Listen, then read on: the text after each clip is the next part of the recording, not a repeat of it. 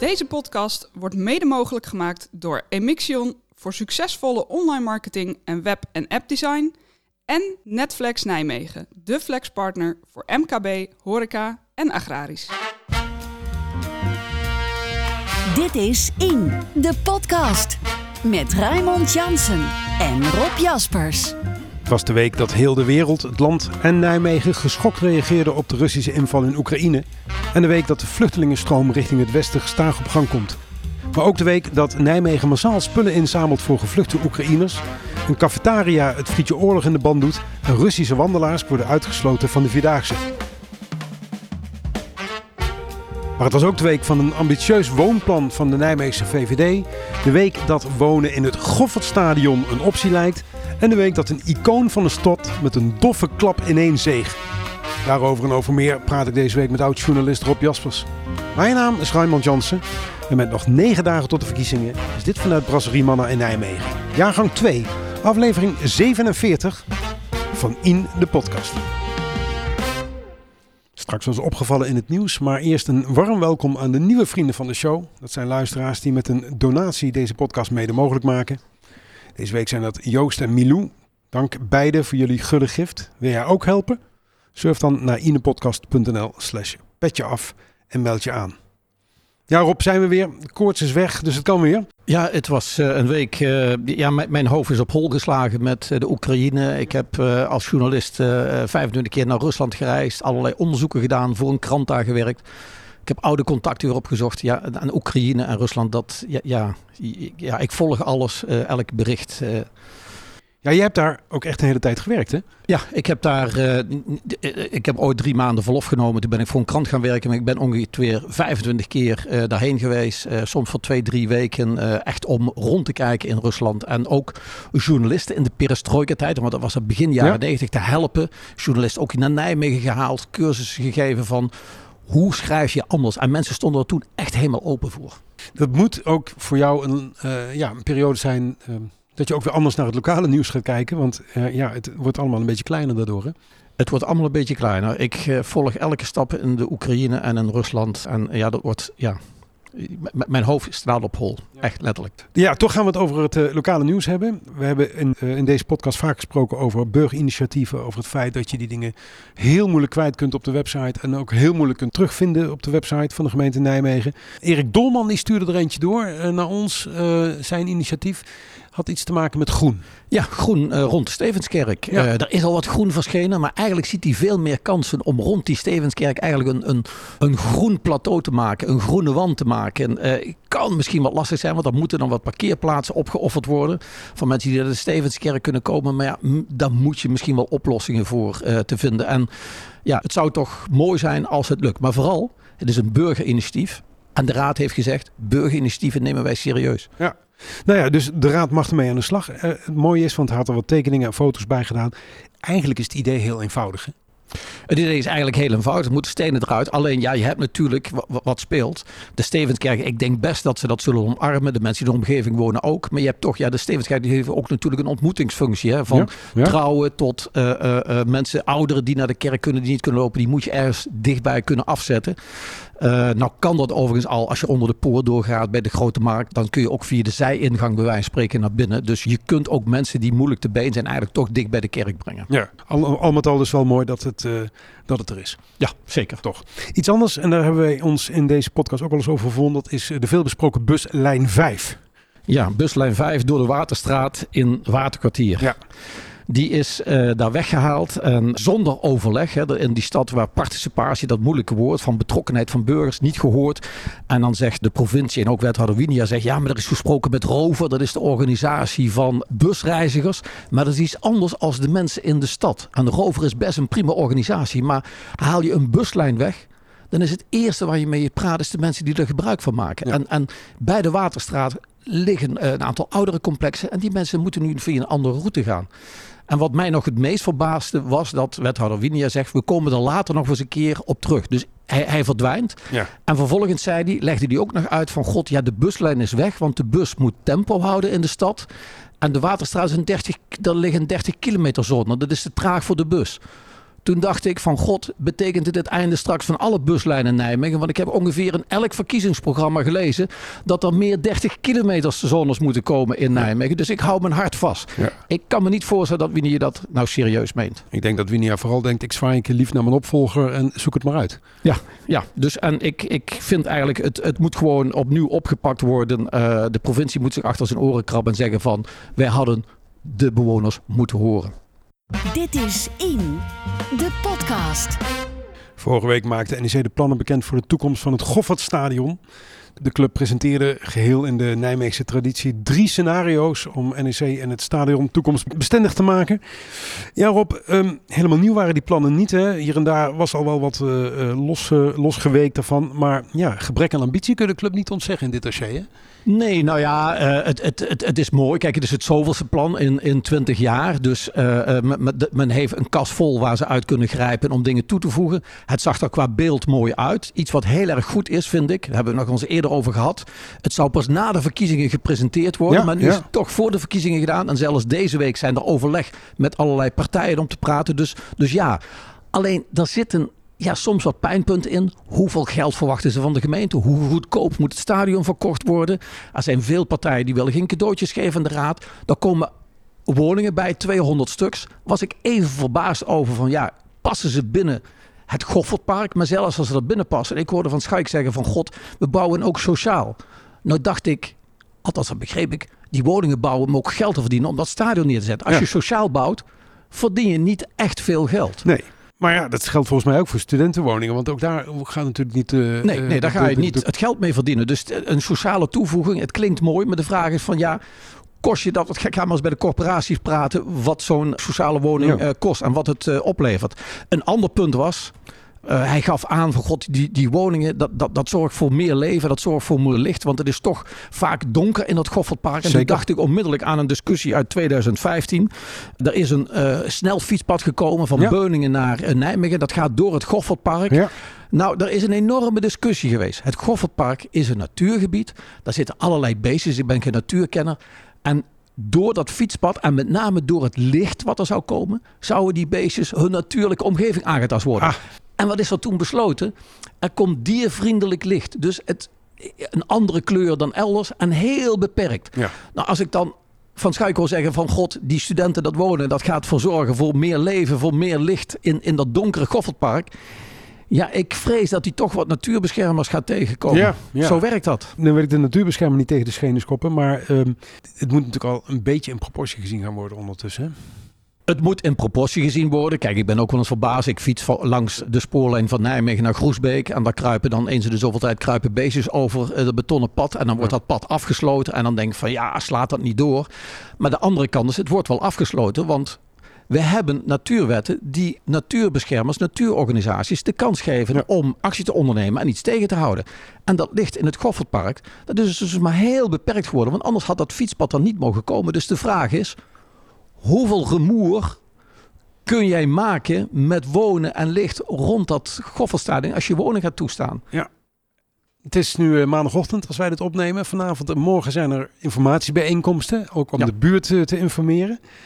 Eh, wij zijn hier soms natuurlijk wel eens een beetje cynisch over participatie. En ook als, omdat het vaak niet goed gaat. Of de gemeente uiteindelijk toch al een plan klaar heeft liggen. Eh, in hoeverre is dit nu ook een gebaar van NEC eh, dat ze echt in de buurt geïnteresseerd zijn? Of is dit ook een beetje om de hand op elkaar te krijgen? Nou, ik, ik ben een positieve kijker. Ik denk echt dat eh, NSC weet, je moet de buurt bij het Goffertpark meekrijgen. En als je twee, drie bijeenkomsten belegt en je presenteert het ook nog voor de verkiezingen. Jordi, de podcast van NSC, die heeft ook met partijen gesproken over van hoe moet je kijken Ja. naar die, die vernieuwingen. Dan denk ik toch, ze moeten als geen ander weten, als je hier twintig jaar mee bezig bent, je moet bewoners en omgeving meenemen. Dus je moet uitleggen, je moet durven te luisteren. Dus ja, ik beoordeel dat eh, ja, toch als positief. Laten we het afwachten. Maar het is afwachten, ja. Ja, toch? Ja. Iets anders, want er moet me iets van het hart. Op de tweede dag van de oorlog in de Oekraïne komt GroenLinks met schriftelijke vragen aan het college over grofweg de mogelijke opvang van Oekraïnse vluchtelingen hier in de regio. Hè. Eh, op Instagram laat eh, GroenLinks dan afhankelijk die brief eh, vergezeld gaan met een sneer naar het rechtse kabinet. Dan zeggen ze het rechtse kabinet laat mensen in de steek. Nou, die tekst is inmiddels verdwenen, dus daar waren ze blijkbaar zelf ook niet zo gelukkig mee. Maar ja, al met al, het is wel een beetje, eh, hoe zullen we het noemen, Rob? Ehm, Ik vond het pijnlijk triest. ja, hè? Juist bij zoiets als Oekraïne is één ding wat je doet. Je kunt een fantastisch idee hebben, maar dat fantastische idee, dat deel je direct met anderen en dat neem je mee. Dan sta je als stad, als samenleving, als alle partijen, sta je als één. Dus ja, ik vind dat die vragen van Quirijn Lokker een oorvijg verdienen. Van de andere kant breng ik er nuance in, want GroenLinks heeft daarna toch met een aantal Ja. mensen hun partijkant, partijkantoortje voor de verkiezingen beschikbaar gesteld. Ze hebben een actie opgestart om materialen te brengen. Ze zijn dit weekend hebben ze materialen weggebracht die opgehaald was, werd massaal gesteund. Dus, dus daarvoor toch een knuffel. eh, eh, Zoals een knuffel aan elk initiatief. Ik vind het heel sympathiek van je. Maar laten we wel wezen. Een paar dagen later daarna komt de VVD Gelderland. Die stelt de grootste partij in de provincie. Die stelt een verklaring op. Die krijgt behalve de groepjes Forum en eh, PVV. Die krijgt iedereen mee om die verklaring te ondertekenen. En alle gedeputeerden en zelfs de commissaris van de Koning. Die zet daar zijn handtekening op. Ik beweer als Quirijn Lokker een echte leider was geweest. Dan had hij alle fractievoorzitters op het podium getrokken. Had hij in gezamenlijkheid die volkomen terechte vragen gesteld. En dan was hij een leider geweest. En nu stond hij alleen op het podium. En dan doe je het volgens mij echt voor de bühne. Nou, je zit verstopt in je partijbubbel, zeker in de verkiezingstijd. En dat is fout. Eh, als partij, je bent, ik zeg altijd, een van de eh, grote van de kleine partijen. Je moet altijd samenwerken. En zeker bij zoiets als oorlog. Dat is gewoon standaard. Je zoekt je grootste tegenstander op om samen te staan tegen die waanzin wat daar gebeurt. En ja, als je dat niet snapt, dan heb je ergens iets mis in je hoofd. Dus ik hoop echt dat hij publiekelijk ook zijn excuses uitspreekt voor die absolute fout. Je kunt het je toch niet permitteren om dit soort dingen politiek te maken. Dit moet je niet politiek maken, dit moet je menselijk maken. Ja. En menselijk maken is eh, iedereen in de stad verbinden voor. Maar nogmaals, dat ophalen hebben Tuurlijk. top gedaan. Absoluut. Maar dat geldt voor heel veel initiatieven in de stad. En dat is heel hartverwarmend om te zien.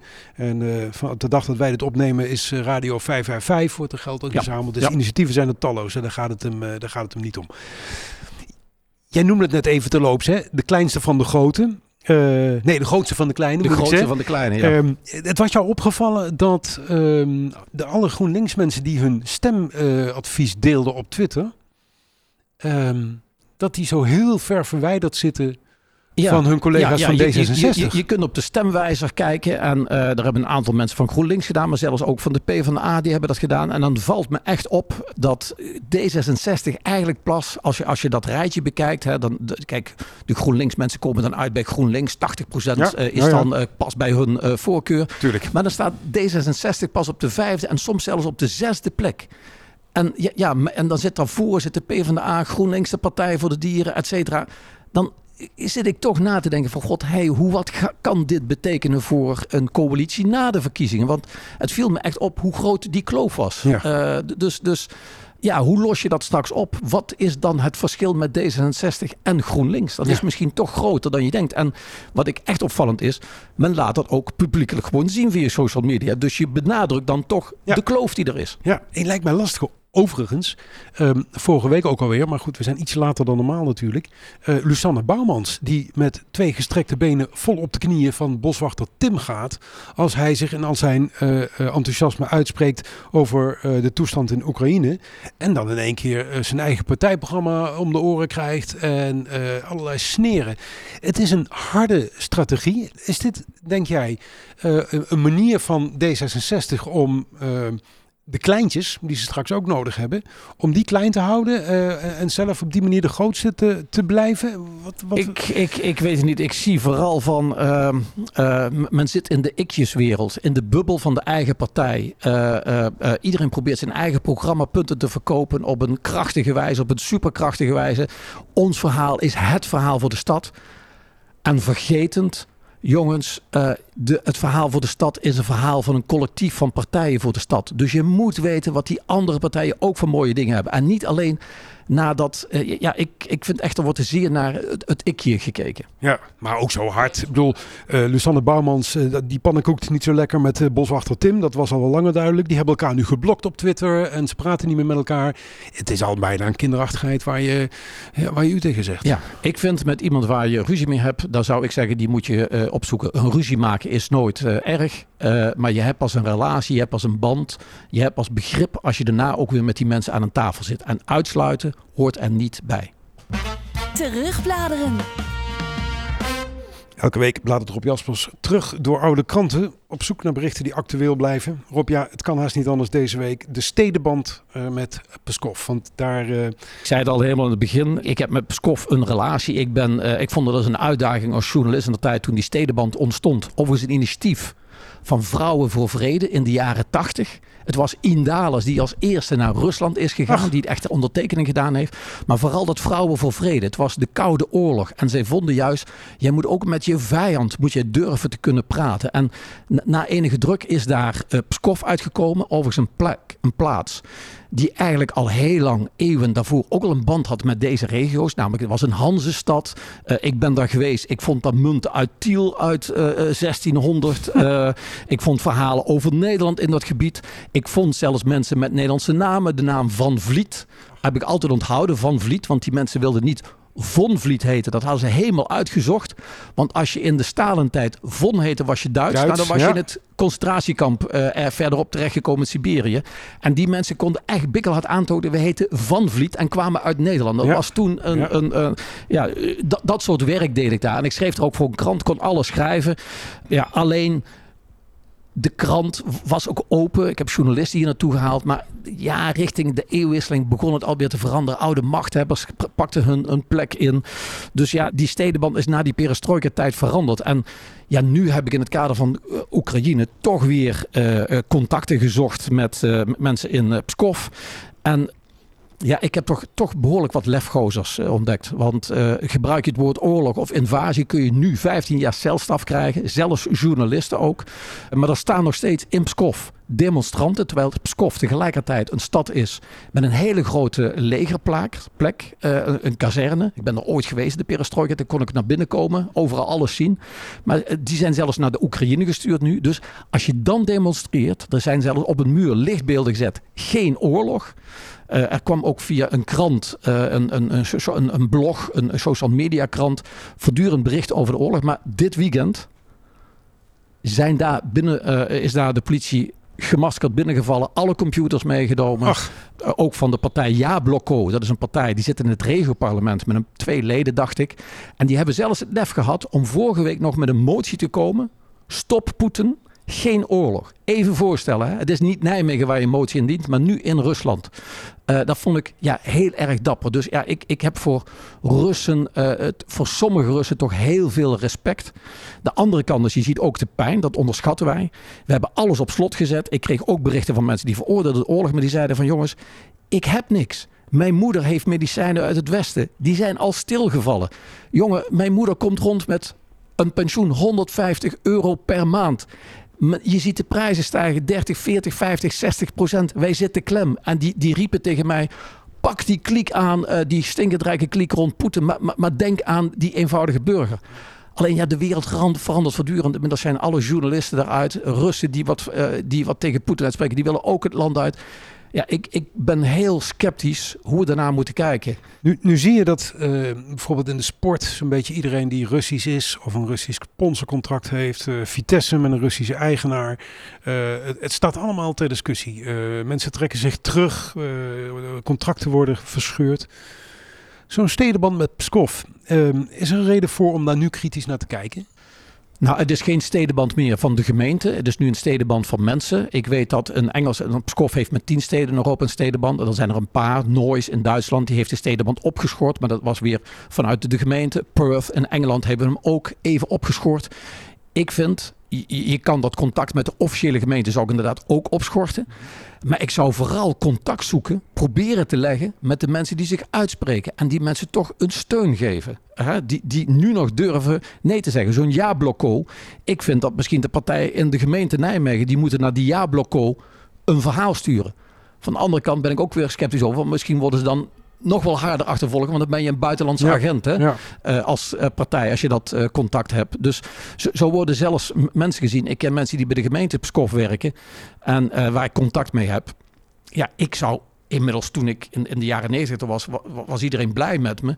Nu zou ik ook als een buitenlands agent Ja, ja. getypeerd worden. En deel je iets met mij, dan worden zelfs die berichten als delen met buitenlandse agenten genoemd. Dus ik zou de stedenband niet, niet ik, ik zou zoeken naar contact, hoe lastig dat ook is.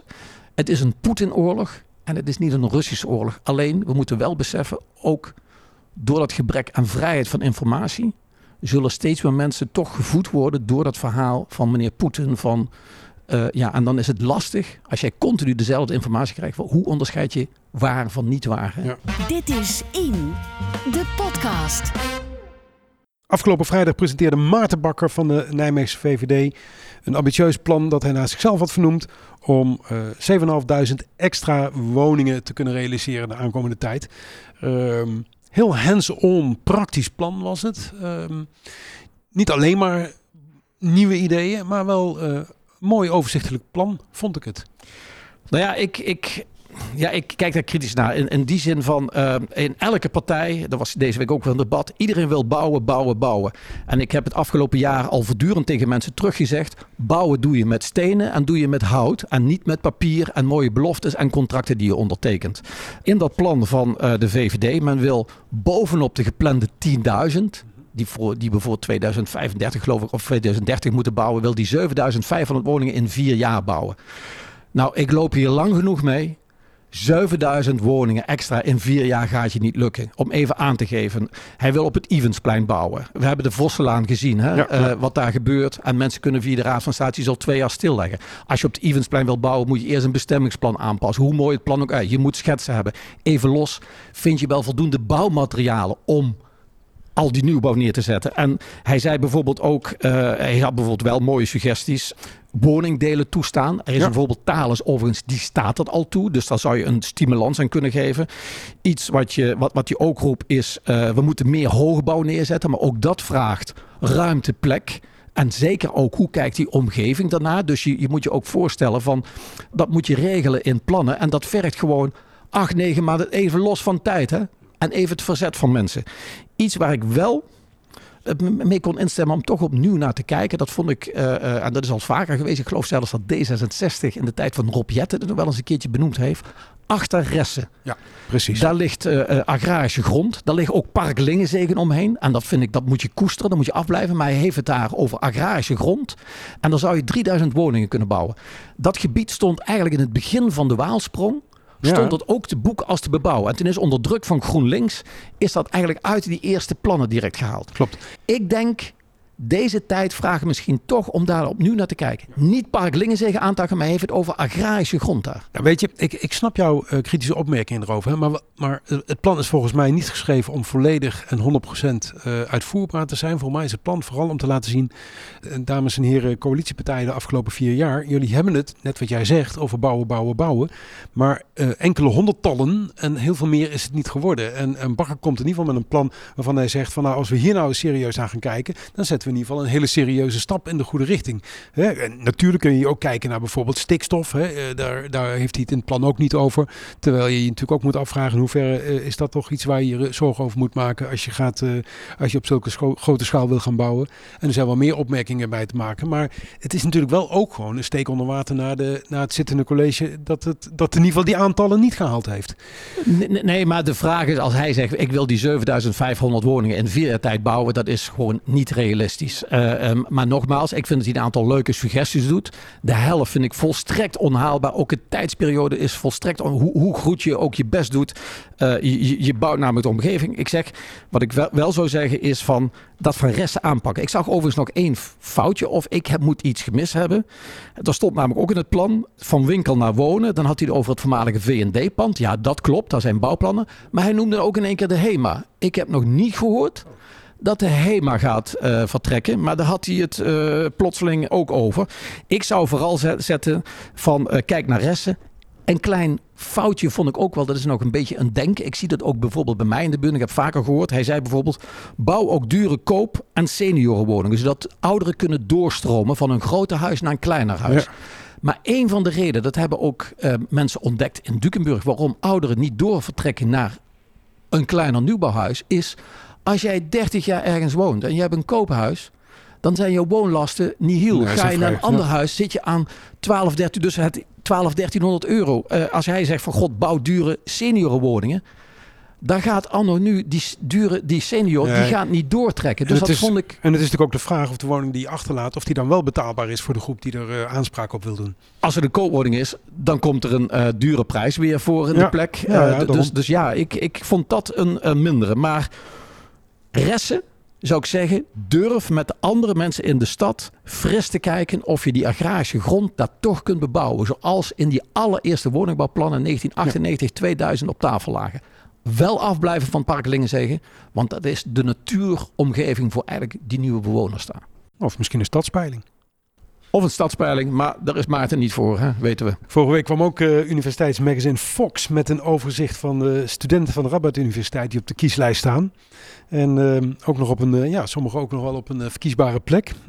Je was er iets opgevallen daarover, hè? Ja, Over ja, die- ik dacht van god, ik ga toch eens even optellen wat daarin staat. En we hebben voor de komende gemeenteraadsverkiezingen hebben we 376 kandidaten. En op basis van dat Fox-verhaal, van alle partijen die genoemd waren, kwam eruit dat eigenlijk zeker 170 mensen op die kandidatenlijst een connectie hebben met de universiteit. Dat gaat, het zijn een beperkt aantal studenten, maar het zijn mensen die afgestudeerd zijn op de universiteit. Het zijn medewerkers van de universiteit. Eh, vervolgens kwam er, en, en dat is toch een band. Want als ik terugblader naar, denk ik, voor 2000, nou dan was die band met de universiteit en het stadsbestuur was minimaal hoor. Dat had zeker niet die omvang. Dus eh, ik, ik vind het overigens geen slechte ontwikkeling, want we zijn een studentenstad. Iets wat ik nog miste van God. eh, De Han-studenten of de Han, eh, daar kreeg ik vervolgens een lijstje door. Ik ken dat twee. Maar vervolgens kwam er ook nog een heel mooi eh, opmerking van de Stadspartij. Vind ik eigenlijk van god, dat is leuk, die band met de, de universiteitsstudenten en de Ja. universiteit. Maar hoe zit het met die mensen gewoon, die technische jongens van die technische opleiding? Ja, ja. Dat, de Stadspartij, dat was die partij die ook die knappe kop in het programma benoemde, toch? Ja, die benoemde de knappe kop in het programma. Dat moet meer aandacht voor zijn. En toen bedoelden ze niet de jongens van de universiteit en de hogeschool. Maar die knappe koppen die gewoon handig zijn met hun handjes. Die een technische opleiding hebben. En waarvan ik inderdaad altijd zeg. Die hebben meer verstand vaak dan de jongens van de universiteit. En ik ben er jaloers op. Maar daar hebben we het dus niet over Sander van der Goes, 23 voor GroenLinks, Anouk Stapel, 25 voor de VVD, die mevrouw van D66, eh, 28, eh Leonie Jansen. Het is dan wel, wel mooi. Het zijn jongeren, hè? Ja, Vroeger was die raad een 40-plus, een 50-plus eh, eh, gemeenschap. Nu eh, to- toch jonkies, hè? Dat vind, ik- vind ik toch wel weer mooi. bijbaantje. Bijbaantje. eh, ik hoop niet dat ze het zo zien, want je moet beseffen, eh, raadswerk kost je gewoon, dat is geen grapje, kost je gewoon 20 uur in de week hoor. Dat Ja. moet je niet zien als bijbaantje, dat moet je serieus oppakken. En zeker ook, niet alleen in het stadhuis, maar juist buiten het stadhuis, in die wijken, weten wat er gaande Ja. is. Nee, ik zeg het schetsend natuurlijk. Maar we hebben best wel wat studenten in de raad gehad de afgelopen vier jaar natuurlijk ook. Eh, en je ziet wel dat er een aantal van de lijst verdwijnen. Omdat ze eh, ja, gewoon aan het werk moeten. Een baan gaan zoeken. Dat klopt, ja. Als jij eh 20 uur raadslid bent, dan als je dat die tijd, ja, dan kun je dan lastig combineren met een baan. Van de andere kant, dat geldt natuurlijk ook voor de zittende raadsleden. Die geven soms één dag in de week hun, hun, hun, hun, hun baan op.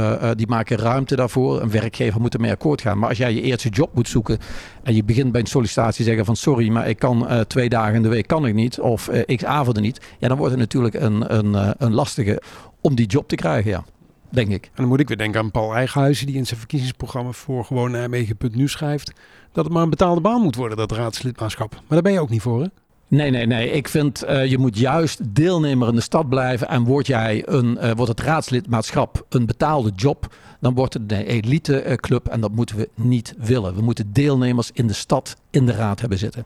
Kort nog, het was even stil rond hem. Cor Koenradi. Nou ja, hij, eh, het, het is eh, weer even terug, maar hij is eh, in, in de pers naar buiten gekomen van hij is opzij gezet door Ja. de provincie. Daar kwam heel veel reactie op. Jan van der Meer heeft het verdedigd wat er gebeurd is. Ja, ik snap dat absoluut niet. Die Koen Radi was de man, een milieudeskundige bij uitstek, gekoesterd door iedereen, door Ja. links en rechts van zijn kennis. Ja. Die is opzij gezet omdat hij als klokkenluider naar buiten heeft gebracht wat er in Nijmegen-West, buiten het APN zelfs, allemaal mis is. Ja. En hoe soms de ODRN, die milieutoezichthouder, te dicht op de bedrijven kruipt.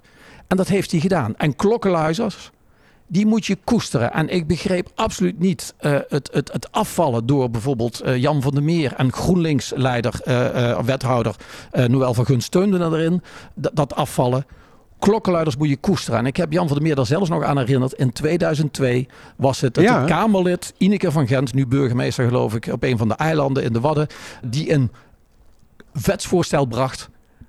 Klokkenluiders moet je altijd beschermen, altijd ondersteunen. En dat is een absolute misser van Van der Meer en ook van Verguns. Jammer. Van der Meer heeft het zwaar volgens mij hoor. Want en van alle kanten was hem afgeraden om, uh, om te praten met, uh, met vanuit zijn ambtenarenapparaat. Dat heeft hij dan uiteindelijk toch gedaan. Komt met een groot verhaal daarover weer in de krant.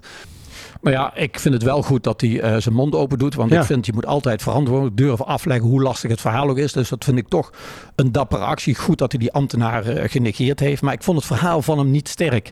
Uh, hij legde ook uit, ja, wat heeft die Koenradi nou onthuld? Nou, Koenradi heeft helder gemaakt dat er als het gaat om die lucht in Nijmegen West en bedrijven eigenlijk een enorme klus ligt voor milieutoezicht. Ja. Een veranderende klus, namelijk strikter, strenger, meer openbaarheid moet brengen. En het verhaal van Koen Radi is door iedereen in de Nijmeegse Raad, inclusief wethouder Jan Winia, omarmd van hier hebben wij van geleerd.